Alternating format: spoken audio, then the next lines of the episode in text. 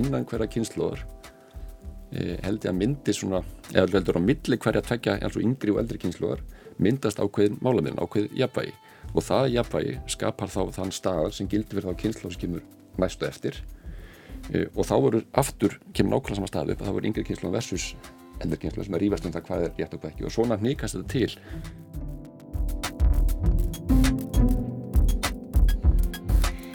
Hvernig breytast tungumál? Ega þau misauðvelt með að breytast? Eru málbreytingar alltaf erfiðar? Er hægt að komast hjá þeim? Það er stundu sagt að íslenska sé mjög íhaldsamt tungumál eða kannski að það sé mikil íhaldsemi í málinu. Sum vilja halda í þessa íhaldsemi en öðrum finnst orðið íhaldsemi hafa á sér nokkuð neikvæðan blæ. Það er þó ekki endilega neikvægt að mál sé íhaldsamt, ekki að það þýðir að það sé nokkur eða jafnvel mikil stöðuleiki í málinu. Við erum Guðrún Límberg Guðjónsdóttir og Anna Sigriður Þráinsdóttir og þetta er þátturinn Orð af orði. Við ætlum að leita svara við sumum þessara spurninga og ymsum öðrum hjá Finni Fridriksinni, félagsmálfræðingi og dósent við Háskólan á Akureyri.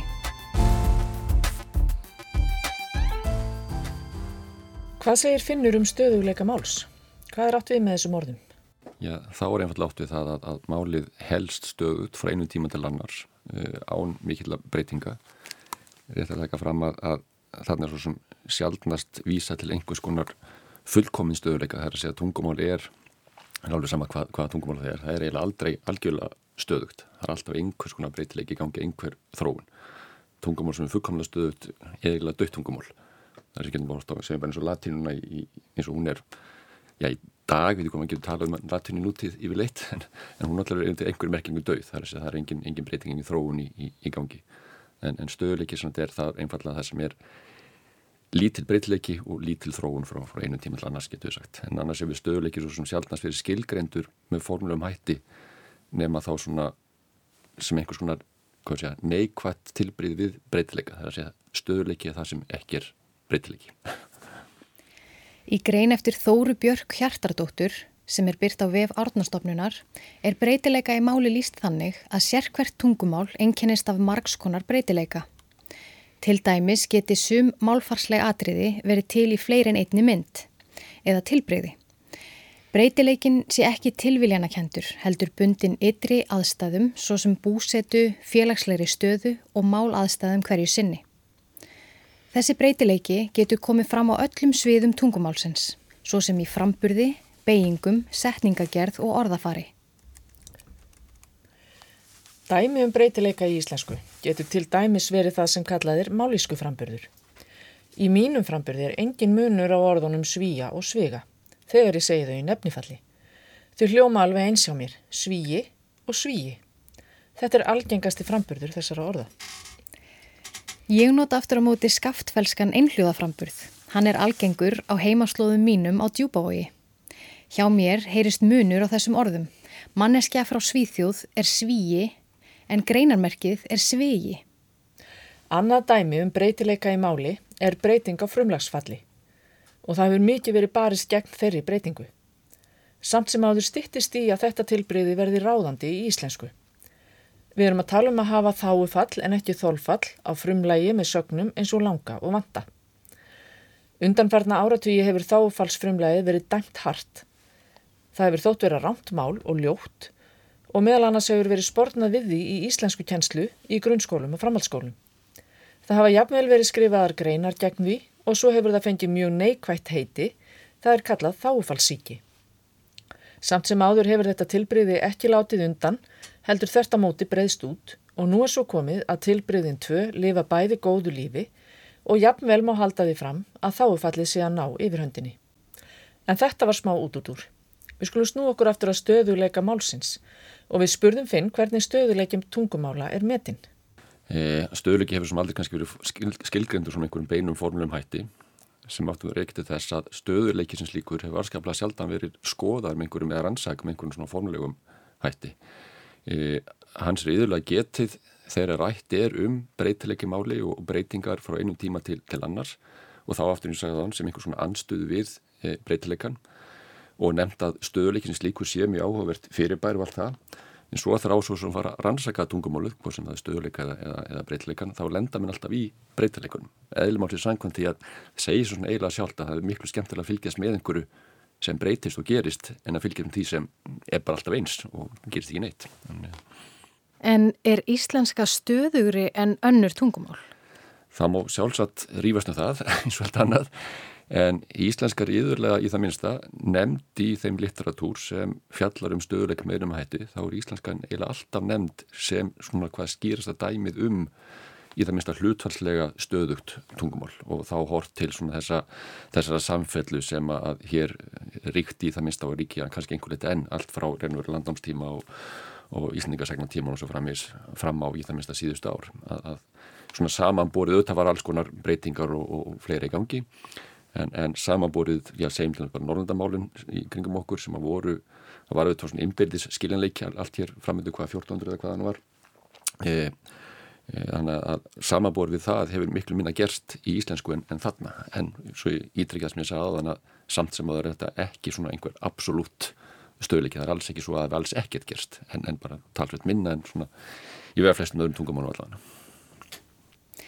Fólk viðrar oft áhyggjur sínar á kaffestofum, samfélagsmiðlum og í aðsendum greinum af því að máli sé mikið að breytast og að breytingarnar geti jafnvel ógna stöðu þess. Getur verið að þau sem hafa íslensku að móðurmáli hafi íhaldsamari viðhort til málsins en gengur og gerist um tungumál annar staðar? Ég hugsaði með ég færa rauk fyrir því á að ég það minnst að fram á svona síðustu ári eða kannski ára, ára síðustu tvoka áratugin eitthvað lög sem kannski er verið að setja einhver endala mælist ykkur það En ef við horfum á þetta, já bara segjum á þessar öld og kannski fram á, já aftur til svona tíma sjálfstæðsparátunar og, og svona, e, þá held ég að það blir skýrt að, að,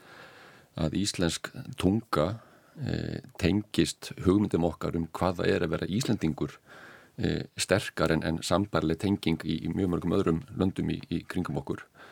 E, hver ástæðan verið því er kannski ekki alveg gott að segja en e, ég hugsa hlutæði sjálfmis að, að þessi sterkar rítmálsæði sem um bókmyndaarfun og svona e, að þetta er kannski svo menningar sem við höfum við getum ekki vísað í einhverja hérna, sigursæla konga eða, eða einhverja stríðsigra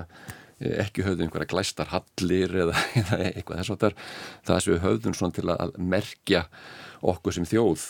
var að mörguleit og er einhver leit enn e, tungan. Og þetta svona gerði samt rannsókn þess og sínum tíma tengslu dóttursverkefnið og, tók það með hans við töl við, við þáttekandur hjá mér. Og þar kom það svo sem mjög skýrt í ljós að, að, að þá á þeim tíma þetta í safnaðsum gögnum fyrir réttum 20 árum síðan e, að þá mátti mjög skýrt sjá merki þess að fólk tengir enn e, tunguna mjög stert við það sem þetta verið íslningur og líka þá að fara rétt með tunguna. Fjölmegi sem að höfðu til og með orða því að, að því spurnu sérstaklega hluti eins og fallbeging og þess að og einhverjuð orð á því sem sagt að, að, að ég maður fallbergi rétt þá brenn maður ekki Íslandingur það var svona svo, svo sterk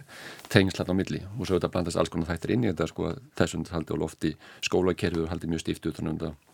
e, að halda Íslandingun svona e, bæði hreitni í merkingunni e, hleypikja að ennskum aðkomorðum og líka hreitni í þeirri merkingu að haldinni sem óbreyt, eða minnst breytilegri drúun hluta, málfræði hluta hérna samlanduprófunu sínum tíma var eitt í það að tryggja að fólk kynni nú, eða væri ekki þáfalls sjúkt eða neitt hvernig, hvernig, hvernig lit á það. E, og svo er þetta bara Íslands málstefna nánast frá, frá fyrstu byrjun hefur þetta veruleiti snúist um að, að í fyrsta leið þá eða til, til að byrja með að svona reynsana þá einhvern svona ætluðum dönskum áhrifum og síðan þegar reyðleikanum var náð að, að halda honum eins og, eins og frekast var, var kostur. Og svo núna þá í, í setni tíð þá er kannski þessi hreinlegu hugmynd beinst, beinst inn meira en hann var uh, framar af lengi sagt, beint veruleita að forminu eins og sagðan þetta með, með þáfallsnegð og að tala rétt. En ef við skoðum þess að ofnbyrj íslensku málstöðum frá 2009 að, að hún snýst fyrst og fremst um, um undamisvandan að tryggja það að íslenska sem notuð og öllum sviðum e, frekar en, en að leipa ennskunni að. Þannig að það er heldur mig að segja á öllum þessum ólíku sviðum býstna svona rótgróin íhaldsemi sem á reykja til svona þáttægjum sem er einhvers konar svona þjóðunis hugmyndar eða hvað er uh, rókuna viðþorfa og líka bara sínum tíma til dæmis til þess að samfélagsgerðin hér helst náttúrulega óbreytt í fleiri fleiri aldir e, og svona félagslega tengslanett það voru svona sömu hugmyndir sem að gengur ring eftir ring í, í, í sveitunum og, og þegar þau svona kannski riðlust með flutningunum á, á hérna á möluna og, og símtíma með aukinni þeppilismyndun að þá verið sem að, að þó að félagslega tengsla visslulega riðlast að þá hefur þjæst mjög rætt aftur e, í þá þeim borgum og bæjum sem mynduðust og, og það er að við sendum sömu svona hugmyndir um, um hvað sé að réttleika og reynleika og þess að það haldi áfram að ganga ring eftir ring án, án verulega breytinga. Hér nefnir finnur rótgrónar hugmyndir um breytingar á málinu og að viðhór til málbreytinga séu oft frekar íhalsum. Það má kannski segja að það fel í sér að almennt sé reynda spórna við málbreytingum. Við getum tekið sem dæmi að nú virðist vera orðin ákveðin tilneyingi á mörgum til að setja orði fleirtölu sem laung hefðir fyrir að hafa engöngu í eintölu. Það heyrist talað um vörur á góðum verðum eins og þekkt er, vináttur, ádraskanir, upplifanir og aprílgöpp. Hefur þetta einhver áhrif á stöðuleika málsins? Ég heldur að hafa mjög takmörguð áhrif á svona heildar stöðuleika málsins. Þetta er þetta mjög svona amarka svið, þannig að bara spurningum að færa orð frá einni tölu til, til annarar og þá er einhver að færa frá einni tölu til annar sem að þeir eru til í máluna. Þess að kerfið náttúrulega hjá okkur er eintala og flertala en við höfum bara haft þann ákveðin hóp sem annars verður bara til í flertölu og hins verður bara til í, eða hefur bara verið notað í intölu eða, eða flertölu e, en svo verður sem að þarna komu upp eh, einhver breyting á máltilfinningunni eða hvaðan er að það er einhver sem málunlótundur skinnju við einhverja þörf það er einhver gati í kernum einhver eigða sem, sem við þurfum að fylla e, og eins og þú segir þetta með, með aprílgöp og okkur finnst það ekki beinleis bjánarlegt eða aðstæðanlegt sem málundum að segja eitthvað í líkingu við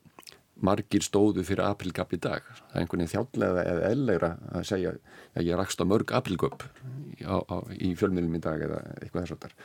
Og, og, og held að þetta raskið í kerfinu þarf að segja að við erum áfram eintölu og flertölu. Það er bara ákveðin færsla ákveðinum held þetta upp í staðin, mjög amörgum orðaforða eh, sem að, sem að sagt, getur færst úr, úr einu annað og ég held að við hefum svona upplöðið að flest að, að, að sjálfur upp, uppliti kannski var skýrast þegar ég fór í langferð sem að fól í sér þrjá flugleggi sem er notið nú það orðalag til að komast hjá því að tala um þrjú flug sem er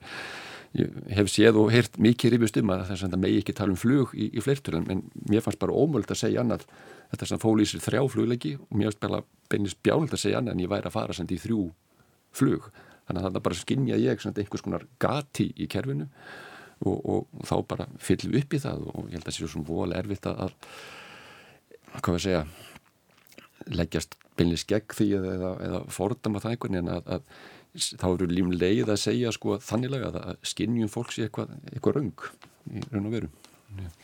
Ætli sé hægt að segja það sama um þá breytingu sem farið er að bera á að hafa heldur kvorukinn en karlkinn þegar talað er um kynja blandaða hópa eða þegar kyn er ekki þekkt Til dæmis þegar sagt er að öll séu velkomin í stað þess að allir séu velkomnir. Já og nei. Það er að segja að ég held að rótina þessu séu þetta svo sama. Það er að segja við skinnum einhverja þörf þarna til að, að nýka kerfinu til með einhver mætti. E, nei að þýlitum til að, að þetta er sem aðeins umfangsmeira en það sem við vorum að tala um á það. Það er sem er bara einhver stök orð sem er að færast frá einni tölu sem til er yfir aðra tölu sem, sem til er. Eh, þannig kannski aðeins meira undir og aðeins fleira undir þannig að segja, í fyrsta leginn svo er, er, er þannig einhver kraf um það að, að,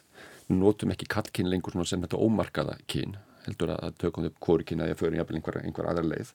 Á sömu spýtu uh, hangi svo einhver svona vanga velta um, um þetta með að það hefur sem við rókur okkur að málfræðilega kynið er, er lífræðilega kynu yfirsterkara. Uh, en þarna held ég að komi til einhver kraf eða einhver skinnjun á að lífræðilega kyni skiptir kannski meira máli. Ég rekst mjög mikið á það sjálfur, ég kenni við kennardild að nefnendur mín eru yfirlega að skilja með verkefnum sem fjallum nefnendur e, og það er undatekning e, frekar en, en hitt að, að ég svo er fórnafni þeir notað um, til að vísa til nefnenda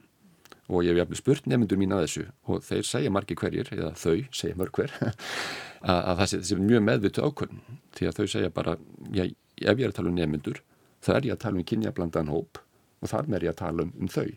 Og það bara heftir í minni tjáningu að, að, að, að vísa til þessa hóps með, með þá kalkins eh, fornafnum og, ég held að maður getur sagt sem sög, ég fór að hugsa um það sjálfur út frá þessu að nú býð ég þannig að ég og tvei börn, stelpu og, og strák. Og þeir fyrir hugsaðu tilbaka að ég held að ég hef alltaf vísað til þeirra ef það minnst kona mín kemur heima og spyr eru krakkarnir heima? Þá held ég hef alltaf svarað já þau eru bæði heima. Það er bara það er bara meðlega spjánalegt að hérna, vísa til, til barnana minna begja sem er þá stelpa strákur sem, sem þeir. Þannig að það einhvern veginn bara gengur ekki upp. En það er auðvitað meira ef svo múið segja einhvern veginn undirliggjandi. Það, er svona meiri kannski tilfærsla á, á, kerfinu sjálfu fyrir að taka upp eins og nýtt fornafn hán og fleiri þeimdur. E, og svo er þó líka það að, að, að þannig er þetta þetta er mjög mikið umræðan upp á síkastið og sterkar kröfur úr, úr frá hópið þeirra sem að svona einhvern veginn upplefa sér ekki e, að við rúmist ekki inn að þessa hefbundna svona polariserara kynjakerfi sko, sem við erum bara með hann og hún ákveðin krafa frá þessum hóp um að, að bæði sér tala til þessa hóp og um þennan hóp á einhvers konar kynhlutlösan hátt eða á þann hátt sem að þessu hópur kýs sjálfur. Þannig að þarna komin einhvers konar meðvitu tilrönd til málstýringar sem held ég sér ekki staði þess að við tólum áðan hérna um eintölun og fleirtölun. Það er bara einhver, einhver sem við sem málsamfélag svona í held skinnjum sem einhverja þörfa að alveg fölgum eðlert að fara að tala um mörg flug eða mörg aprilgöp eða mörg verð eða, eða, eða hvað hann er. Þannig að það er visslega svona hvað sé að stærri hildarpakki en hvort þetta var áhrif á, stöðuleikan í hild í, já þetta raskar þetta einhver leiti svona hefðbyrna kynjakerfinu en en, e, en ég held að þetta lengur tíma litið að, að þá, þá skapardurinn eru bara sko þá nýjan stöðuleika að fyrir eða síðar komist þessum málsamfélaga að einhverju millilendingu þannig einhverju, einhverju, hérna, einhverju málamilun e, hvar á skalan og hún, hún verður og þá myndast það einhvers konar nýðstöðuleiki hversu lengi svo sem hann varir, það er svo allt annar handleikur. Hafa breytingar af þessu tægi áhrif á stöðu tungumálsins í samfélaginu til hins verra eða hins betra? Ég held þessum líkilættir þessu öllu að, að áttar sér fyrst á því að, að málbreytingar slíkar geta aldrei verið korteldur góður eða vondar. það er bara eru. Þannig að e, það er svo aftur annar mál hvernig við sem mál samfélag upplifum þar sem góður eða vondar út frá því hvar við stöndum. E, við tölum um það á hann að, flestar þessar málbreytinga e, eða málbreytinga almennt þær komið aldrei til einhverjum einsettum brótavilja. Þó vissulega getur verið einhvers svona stýring ángi sem við talum hérna á það með, með kynjakerfið að það er ákveðin, ákveðin þrýstingur á, meðvitað þrýstingur. En langoftast kemur þetta einfallega til á því eins og við vorum að tala um hérna á þann að við skinnjum einhverja, einhverja þörf. Eða þá að til dæmis mjög marga málbreytinga auðvitað rættur að reykja sína, hérna rættur sína að reykja sig til, til barnamóls klassiska dæmi er sennilega þetta með þessi tilneying hérna,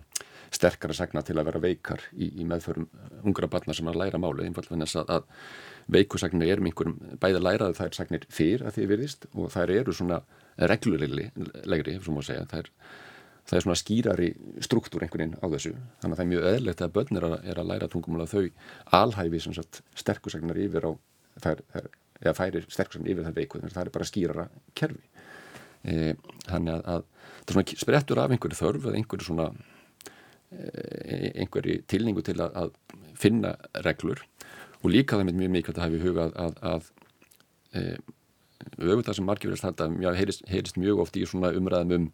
já, málþróun, málbreytingar að mjög margir verðast halda það að með því að yfirgefa gömluregluna sem hefur þá kannski verið viðkjönd áratugum með öldun saman þá sé verið að fara yfir í kás málbreytingar fara aldrei úr reglu í kás þar fara alltaf úr eignireglu í aðra reglu. Það verður að búa til nýja reglu. Við förum aldrei eitthvað stjórnleysi. Málsænfélagin fyrir að leifa það ekki, um leiðu einhver fyrir að tala algjörlega eins og honum eða henni hendar, þá, þá sem sagt, grýpur málsænfélagin hakkadram á viðkomandi, hefur við skiljum ekkert gott að fara.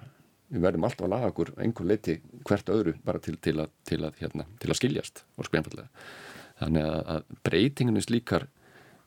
geti aldrei verið, vondar að goða, bara spilnum hvernig, hvernig við sagt, tökum á þeim. Og það auðvitað sjá í Íslandi við erum talað mér náðum þess að þessa rótgrón íhjald sem að þess að við höfum yfirlega bröðist mjög illa við þeim. En á einhverju stígi kemur á mót eins og tala um hérna þessi, þessi, þessi þörf. Og við verðum held ég að, að svona í það minnstu upp að vissu marki átt og gráði að, að jú, tungumáli sem að við svo að segja fæðumst inn í og, og fáum svo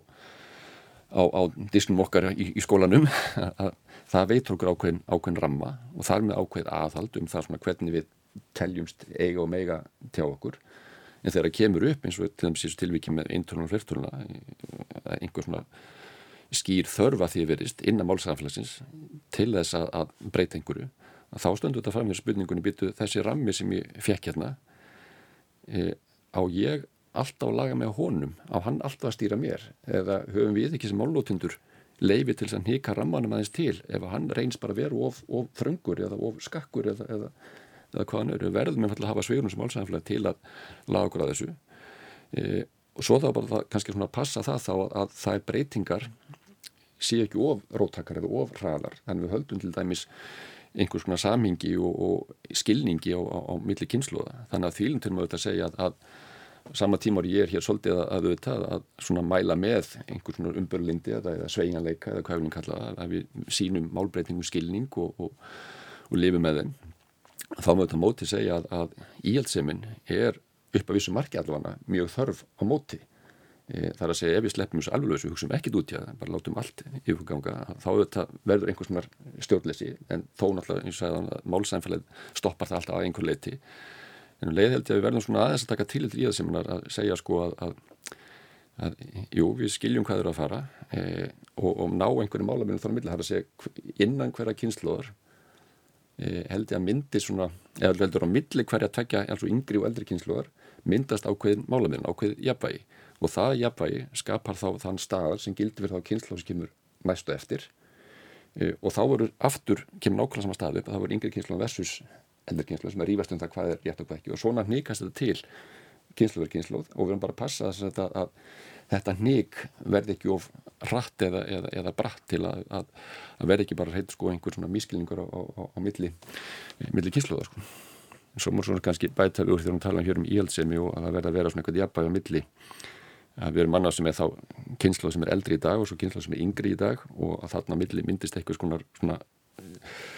einhver málamilun, einhver svona þeim mætast á miðli eða einhver starf að verður einhver stál sem er gildi akkur núna svo hnikast hann til kynsla fyrir kynsluð en um leið get ég alveg lofa okkur því að, að þess að svo kynslu sem er yngri kynsluðin dag og, og stendur fyrir rótækninni og, og breytingunum og, og kemur í gegn þá ákveðnu nýki inn á þann stað sem að gildir þeirri kynsluð að svo kynsluð, hún voru alveg jafn íhaldsum gagvat þeirri kynslu sem verður ung eftir svona 40 ár og þessi eldri kynslu í dag er gagvat hópnu sem er ungur í dag því að það veist að við verðum svo óskilvægt ríkt í okkur að það sem að við lærum á ungað árum sem, sem okkar mál og með þá þeim viðbótum og breytingum sem við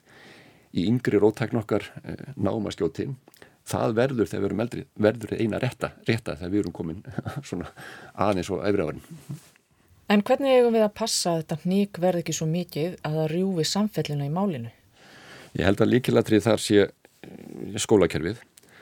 Að við höfum kannski verið ansi först í því að, að e, kenna íslenskuna eins og hún sé, sé til einhver ein rétt íslenska sem að, að e, eigi og okkur byrja bara skildað að nota á, á öllum sviðum mannleifsins nánast. E, ég held að það sé mörgleiti skilinlegt og, og rétt afstæð þar sem kennar eru mjög vandasumur hlutverki þeim ber ákveðin skilda til að kenna svona einhvers svona ofnberðan staðal nefndur eiga að koma út í skólunum eh, hefur maður eitt samkvæmt orðalega aðanánskur eitthvað líkingu við að geta verið e, fullgildið þegnar í líraði samfélagi eða eitthvað þess að þar e, og liður í því öðruð að, að geta orðarhlutan og einhvern formlegan svona ofnberðan háttu sem að segja það er svo þarft að passa þegar þú sækjunu starf skrifar starfsöknum, þegar þú skrifar einhver ofnberða skýrslu eða e, skrifar í, í því náttúrulega hér í útvarpinu því það er ákveðin kraf á ykkur að tjá okkur svona eða hins einn sko en á sama tíma held ég að við verðum sá í skólakerfinu að, að í miklu meiri mælinn gert hefur verið að, að bæði að viðurkenna og að nýt okkur það mál sem að nefndu koma sjálfu með bara úr, úr sínu nærumkörfi e, þeir þurfa ekkit, ekkit síður en að geta tjáðsum á þenn með þessum ombera staðilega sem að segja Eh, sem er heldur upp í staðið til tóra lítið hluta þeirra dælega eh, máli að þeir þurfa ekkit síður að tjá sig eh, hver við annan á viðkjöndan hátt í þeim miðlu sem þeir nota segjum bara í, í svona Facebook Messenger í, í, á snappinu eða hvað hann er gegnum Instagrami, allar samfélagsmiðla sem, sem þau eru að tala saman hvert og annað. E, og ekki síður að, að huga vel að því e, veit að miklu meirið þjálfun í kjenslunni í bara í bæði nótkun og svona ímiðskona greiningu og vinnu með e, hitt talaðamál hvernig til dæmis sínu hvert öðru almenna kurtesi í, í gegnum talmáli, hvernig, hver, hvar og hverna með við taka orðið? Þá að vera, vera dónaleg, hvernig, hvernig beitum við kaltæðni með því að breyta einhverju tóntegundi eða eitthvað þess að það hjá okkur, alls konar svona hlutir. Að segja að nýtt okkur auknumæli e, e, svona mál nefndana sjálfura á þeirra eigin fórsendum en, en kenna þeim til hliða líka sem þetta er ofnbæra mál. Og að gera einn grein fyrir að hvor leiðinu sig eða hvor gerðinu sjálf ja, rétt tóðu sjálfur sér en það eiga sér bara hérna, sitt nótkunnasviðið hvort, hér notar þetta og hér notar hitt og við þurfum að vera jafn, jafn færi í, í, í hvort tvekja og ef við hérna fyrir að gera þetta með einhvern skipnum hættiskólakernu þá held ég að sé þokkilega vondið þess að þetta svona grunn viðhorf smitist einhver leiti út í samfélagi þess að við gerum okkur ekki betur grein fyrir því en oft hefur verið e, áður að, að e, jú, við þurfum að kunna svona einu form í Ísland, við þurfum að venda einhver leiti í Íslandskona og þá kannski í dag ekki síska hvað þá áhrifum ennskunar, við þurfum kannski minni áhugjur að hafa einhverjum ákveðin breytileika svona innan málsins e, sjálfs. En, en á sama tíma að, að leifinni svona að, að þróast og, og hérna og lifa svona bara með þeim svona samfélagslegu breytingu sem verða. Að, að getum nefnt þetta dæmi að, að komst einhvern veginn fyrir, já, sennilega hátt í 20 ánum síðan og snóður um mjög stóra hver alþjóðlega rannsókn að vera að skoða svona almennar viðhórs, eða almennt viðhór til alls konar svona samfélagslegar þróunar. E, og spurt í fjölmörgum löndum og hún stenglum að hvar og hvernig þetta byrtist nákvæmlega en svona rámar eitthvað óljóst í þetta og það var til með spurt um, um hérna svona hérna, samgöngubreitingar jú, allir voru því að það var mikla fann að fyrir því betri vegir og, og hérna, langdrægari flugvelar og ramagsbílar og hvað veit ég. E, þróun í tölvumálum, jú, jú, miklu betri en var. Við erum komið með alls konar tölvur á hverju heimili og við, við erum hérna með 70 tómur hérna, flatgjá í heimilinu og, og, og hvað hann er, getum hort bara bíu heimja okkur og það fann við göttunum e, um hérna þróun í svona, það missi, matvælaframleyslastar miklu meira úrval og miklu meira frambóð af alls konar vöru sem við ekki áður svo en, en tungumálið. Nei, nei, nei, nei, nei, nei, nei. Þa, það, það má ekki breytast. Og þar vaknar þá mjög áhuga spurning hvern, hvernig ef við viljum fá samfélagslega breytingar og teljum þróun og, og, og úrbætur eðlega þar e, hvernig ásannsat tungumálið geta endur speklað samfélagslegu breytingarnar ef að það má ekki breytast? Það, það lítur auðvitað að þurfa að vera allt og einhvers konar aðlun, einhver, breyting bara samfél, sam, samhliða sig bara þeim sveiblum og, og, og bilgjum og svo framvið sem verða í, í, samfélaginu hverjum tíma. Finnur telur sem sagt að kynhlutleysi geti haft áhrif á stöðuleikan í málinu af því að það geti að einhverju leiti raskað kynjakerfi málsins. En hann bendir á að með því geti orðið til nýr stöðuleiki og það gerist þannig að það verði einhvers konar málamiðlun í málsamfélaginu. Málbreytingar eru ekki góðar eða vondar, þær bara eru, segir Finnur. Þær verði stundum vegna þess að fólk skinjar þörf fyrir að breyta máli sínu. Orðið flug er til dæmis notað í fleirtölu af því að merkingin kallar að vissuleiti á það. Finnur telur að í þannig tilveikum, þegar orð sem venja er að nota aðeins í eintölu er notað í fleirtölu, raski breytingin ekki málkerfinu. Við erum áfram með eintölu og fleirtölu, það verði bara ákveðin færsla á takmörkuðum orðaforða. Það að horfið sé í auknum mæli frá málfræðilegu karlkinni í hlutleysi er að mati finns af sömu rót. Fólk skinni þörf fyrir að breyta máli sínu í átt að kynhlutleysi. Súbreyting sé þó sennilega umfangsmeiri og að einhverju leiti knúin þrýstingi ákveðina hópa samfélagsins. Hún gæti haft áhrif á núverandi stöðuleika með því að raska kynjakerfinu en skapi svo nýjan stöðuleika. Þessar tvær málbreytingar eru auðvitað varla sambærilegar. Nema ef til vill að því leiti að í báðum tilvikum er eins og skinnjun okkar á merkingu sé farin að hafa áhrif á málnótkun.